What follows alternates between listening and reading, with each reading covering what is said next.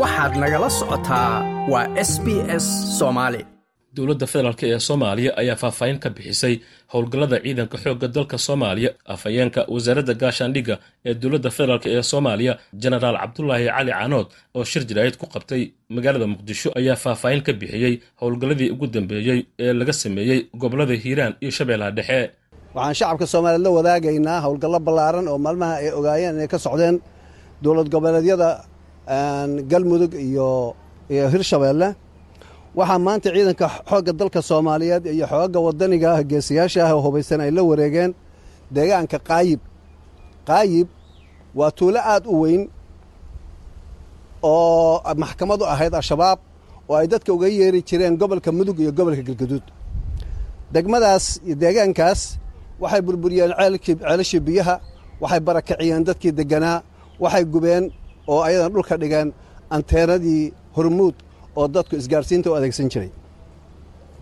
Howlgalkaas maanta dhacay waxaa ka horreeyey howlgalladii ku xigay ee daagaanadii ka horreeyey ee laga soo sifeeyey cadowga sida degaanka qalaanqal dhisiq shurufleh dhuumoodle caliweyd maygaagduub iyo wixii la mid a cadowgu ummadda soomaaliyeed waxaa maanta ku socda howlgal ballaaran ay iska kaabsanayaan shacabka soomaaliyeed iyo dhallinyaradooda xoogooda hubaysan iyo ciidanka xoogga dalka soomaaliyeed. Waxaan rajaynaynaa insha allahu tacaala dhowaan in guulo ballaaran laga gaaro afhayeenka ayaa sidoo kale waxa uu ka hadlay howlgallada hiiraan waxaana uu sheegay in ciidamada dowladdu ay dagaal kula wareegeen deegaanka layidhahdo mooro eri ee ka tirsan gobolka hiiraan waxa uu sheegay in dagaalkaasi ciidanka xarakada shabaab looga dilay ilaa lix xubnood sida uu yidhi deegaankaasi oo hoostaga degmada moqokori ee gobolka hiiraan dhanka kale afhayeenka wasaaradda gaashaandhigga waxa uu ka hadlay howlgalka ka dhacay deegaanka masaajidka caliguduud waxaana uu sheegay in halkaasi ciidanka dowladda iyo kuwa deegaanku ay guulo ka soo hoyeen sida uu yidhi. Sidaasoo kale gobolka hiiraan waxaa shalayta ka dhacay dagaal wuxuuna ka dhacay tuulada deegaanka la yidhaahdo moore eri iyo qarfo waa laba deegaan oo ay cadowga shalay haysteen ilaa iyo lix xubnood oo cadowga ahaa lagu dilay ciidankeennana nin ka mid aha ku dhaawacmay. Ka ayagana guul baa laga gaaray waa deegaanka moqorkori oo waddada u baxda dhanka aadan yabaal oo ay ugu tala galeen inaan xiriirka aadan yabaal iyo moqorkori in la kala jaro ama hiiraan iyo shabeellada dhexe in la kala gooyo. Halkaasna guul aad u ballaaran baa laga soo gaaray. Dhanka shabeellada dhexe howlgalladii ka socsocday ee burburinta jiidaha xooggan ee cadowga masaajid caliguduud duqayntii iyo burburintii baa ku socota jiidaha cadowga deegaankaas. Masaajid caliguduud waxay u tahay istaraatiiji cadowga waxayna doonayaan inay ka difaacaan galmudug iyo intay hirshabeelle ka haystaan waana meeshii ay ka qaadan jireen canshuurta ee isugu xiri jirtay gobolka banaadir gobolka shabeellada dhexe iyo gobolka galguduud. Halkaas burburin xoog badan baa ku socota walina duqayntu way ku socotaa duqayntaasi waxaa hogaaminayay ciidanka xoogga dalka iyo ciidanka nabadsugidda soomaaliyeed sida uu noogu sheegayba horey wasiir xogeenkeenna wasaaradda warfaafinta dhanka kale shir ballaaran oo ay soo agaasintay wasaaradda diinta ee waqaafta ee xukuumadda federaalk soomaaliya islamarkaana ay ka qaybgaleen wasiirada wasaaradahaasi ee dowlad goboleedyada dalka ayaa ka furmay magaalada muqdisho. Shirka ayaa ujeedkiisa lagu sheegay wada shaqayn buuxda oo yeeshaan wasaaradaha diinta ee waqaafta ee xukuumadda federaalk iyo kuwa maamul goboleedyada dalka iyo iskaashi laga yeesho dagaalka ka dhanka xarakada shabaab ugu horreyntii agaasimaha guud ee wasaaradda diinta ee waqaafta xukuumadda federaalk soomaaliya ayaa shirka ujeedadiisa sharaxay in wasaaradda owqaafta arrimaha diinta xeer federaal wasaaradaha kale la jaalka ah xeer gobol. Dowlad goboleedyada. In ay kulmaan ay isbartaan qof kastana qofka kale uu barto xiriir joogta ay yeeshaan. Sidii loo loo wada shaqayn lahaana meesha ay ka soo baxdo munaasabadda ugu weyn horta intaasaa qaybteeda hore ay tahay. Qaybta labaad waxay ahaan doontaa wada shaqaynta qaybta ugu muhiimsan marxaladda hadda dalka uu marahayo. Qaar ka mid a wasiirada wasaaradda diinta ee waqaafta ee maamul goboleedyada dalka ayaa sidoo kale ka hadlay in shirkani uu muhiim gaara u leeyahay wasaaradaha diinta ee maamul goboleedyada dalka. Aan iskaashanno laba qodobna insha allahu hadda aan xoogga saarno annaga ka wasaarad ahaan waa isu dambeynaa detail aan ugu wada hadli doonaa qaabka loo hogaaminayo barnaamijkan qaabka wasaaradaha waxay kaga aadan meelaha ugu fiican in maxay ahayto wasaaraduhu ay iska kaashadaan korla loo qaado. Culimmada waa aamuseen waa la aamusay. Waa la aamusay waxaa la yidhi bal adiga dhibaatadii ku soo gaarna iska aamus. Laakiin in ciqaab ilaahay inuu ka ratib maayo laguma xisaabtamin xaqiiqatan. Culimmada kuma xisaabtamin. Hogaankii kale waa dadka mas'uuliyiinta ahaa. Ilahay wuxuu leeya walowlaa dafcu llahi naasa bacdahum bibacdin lafasadat ilard waxaan diyaar u nahay dagaalka looga soo horjeedo argagixisada. Haddaan nahay maamul goboleedka galmudug. Culummo iyo caamo iyo cunug yar iyo mid weyn. Intaba waxaan diyaar u nahay dagaalkaas in aan meesha ugu dambaysa insha allah la gaarno. Rabto inay islaaxdo wasaarada wasaaradan maxaan ku ihahdaa xajka iyo salaada iyo nikaax iyo shuqul kuma leh dadkan diinteeda dad wasaaradii loogu talagalay inay waardiyeysa waaye anna ayadaan ku kabannahay. Markii dadkan kitaabka ilaahay meesha ugu sarraysa la geeyo dalkan waa hagaaga. Ugu dambayn wasiirka wasaaradda diinta ee awqaafta xukuumadda federaalk soomaaliya sheekh mukhtaar roobow mansuur ayaa sheegay inuu aada ugu faraxsan yahay in wasiirada dowlad goboleedyada dalku ay aqbalaan. Qaybgalka shirkan oo uu sheegay in muhiimad gaara u leeyahay wasaaradaha diinta ee xukuumadda iyo kuwa maamul goboleedyada dalka waxaana u mahadceliyey odayaasha dhaqanka iyo guud ahaanba ka soo qaybgalayaasha shirkan oo uu ku dhawaaqay in uu furan yahay.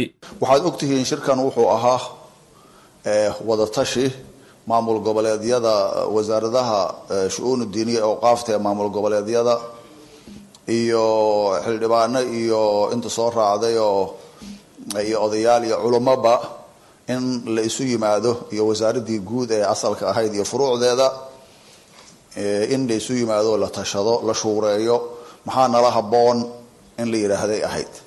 Shuuradu waxaad ogtihiin shareecadeenu meel weyn bay ku leedahay. Ilaahay wuxuu nabigiisa ku yidhi washaawirhum fi lmri waa nebi. Haddii cid ay shuuro ka maarmayso nebi moxamed baa ka maarmi lahaa sala allahu calayhi wasalam ilaahay isaga uu ku leeyahay isagoo muayadun bilwaxyi ah washaawirhum fi lamri baa layidhi waxaan is leeyahay insha allahu tacaala shirkeenna inuu noqdo shir barakaysan culummadeenna iyo waxgaradkeenna iyo siyaasiyiinteenna wasiiradeenna kulli intaan isku ra'yi darsanno wax ummadeena wax u taro oo ay u aayaan insha allahu tacaala inay naga soo baxaan ayaan rajaynaynaa. Kolley aad baan ugu mahad celinayaa maamul goboleedyada dhammaan ee shirka yimid. Waan u mahad celinaynaa shirka insha allahu tacaala saacan laga bilaabo.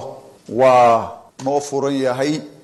Dhanka kale madaxweynaha puntland siciid cabdulaahi deni oo khudbad ka jeediyey furitaanka kalfadhiga koobiyi kontonaad ee baarlamaanka puntland ayaa ka hadlay xaaladda guud ee dalka. Daadadkii dhowaan ku rogmaday deegaanka qardho ee puntland dagaalka ka dhanka xarakada shabaab iyo arrimo kale madaxweynaha puntland siciid cabdulaahi deni ayaa ugu horrayntii waxa uu ka hadlay daadadkii dhowaan ku rogmaday magaalada qardho taasi oo uu sheegay inay u saareen guddi soo qiimeeya waxyeelada halkaasi ka dhalatay intay la eg tahay sidoo kalena ay soo dhammaatay daraasad ku saabsan si xal waara looga gaaro daadadkaasi ku soo laalaabtay deegaanada puntland. Marka hore waxaan ka tacsiyeynayaa daadadkii ku soo rogmaday magaalada qardho oo sababay khasaaro naf iyo maal. Waxaa xukuumaddu u dirtay guddi soo indhaindheeya arrimihii wixii dhacay waxaana lagu hayaa gacanta hagaajinta waddooyinka iyo nadiifinta magaalada. Waxaa sidoo kale soo idlaaday daraasadihii ku saabsanaa xal u helidda ugu habboon ee looga gudbi karo daadadkaas iyadoo hor yaallaan dowladda caqabado badan oo ay u baahan tahay inay kala doorato oo qaybtood ay sababayso khasaare ka badan kii hore oo ah in guryo badan ay dumi doonaan. Marka daraasadaas hadba dhinac ayaa laga eegayey si loo yareeyo khasaaraha kale ee imaan kara. Waxaan rajaynayaa inay soo gebagaboosmi doonto dowladduna ay go'aanka ugu dambaysa qaadan doonto xilligan haddii lahayd madaxweynaha puntland ayaa sidoo kale waxa uu sheegay in puntland degmooyin badan oo ka tirsan laga hirgelinayo doorasho qof iyo cod ah taasina ay tahay qorshaha xukuumaddiisa ay ku tallaabsan doonto. Sida aada wada ogsoon tihiin yoolka koowaad ee barnaamij siyaasadeedka xukuumaddu wuxuu ahaa isbeddel siyaasadeed oo laga hirgeliyo puntland laba kun sagaaliyo toban laba kun labaatan iyo afar. Haddaba waxaa la joogaa wakhtigii uu ka dhici lahaa puntland isbeddel siyaasadeedkii aanu soo sahminnay oo dhab ah lana taaban karo kaas oo ujeeddadiisu tahay in talada dadka dib loogu celiyo. Puntlandna laga hirgeliyo hannaanka dimuqraadiyadda sida aada wada ogsoon tihiin waxaa soo idlaaday geedigii koowaad ee doorashooyinka golayaasha degaanka oo laga furay hayaankii dimuqraadiyadda degmooyinka ayl qardho iyo ufayn. Haddaba xukuumaddu waxay diyaarisay geediga socodkii labaad ee doorashooyinka waxayna guddiga doorashooyinka ee ku-meelgaarka ah tibeg u gudbisay soddon iyo toddoba degmo oo laga qabanayo doorashada golayaasha deegaanka kuwaasoo buuxiyey shuruudihii waxaa xusid mudan in ay guddiga ku-meelgaarka ee doorashooyinka tibeg ay u diyaarsan yihiin agab xirfad iyo farsamo ahaan ayna bilaabeen kuurgalka wacyiga iyo qiimaynta xaaladda qabsoomidda doorashada. Siciid cabdulaahi deni madaxweynaha puntland waxa uu ka hadlay dagaalka ka dhanka xarakada shabaab ee iminka ka jira deegaano badan oo dalka waxaana uu sheegay ka puntland ahaan inay diyaar u yihiin in dagaalkaasi ay ka qayb qaataan puntland waxa ay si dhow ula socotaa howlgallada la dagaalanka argixisada ee ka socda koonfurta soomaaliya waxaana diyaar u nahay ka qayb qaadashada ciribtarka argagixisada.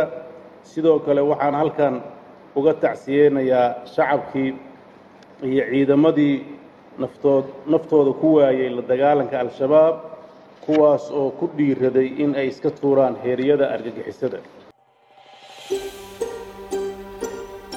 ma doonaysaa sheekooyinkan oo kale ka dhegayso apple podcast google podcast spotify ama meel kasta oo aad bodkastigaaga ka hesho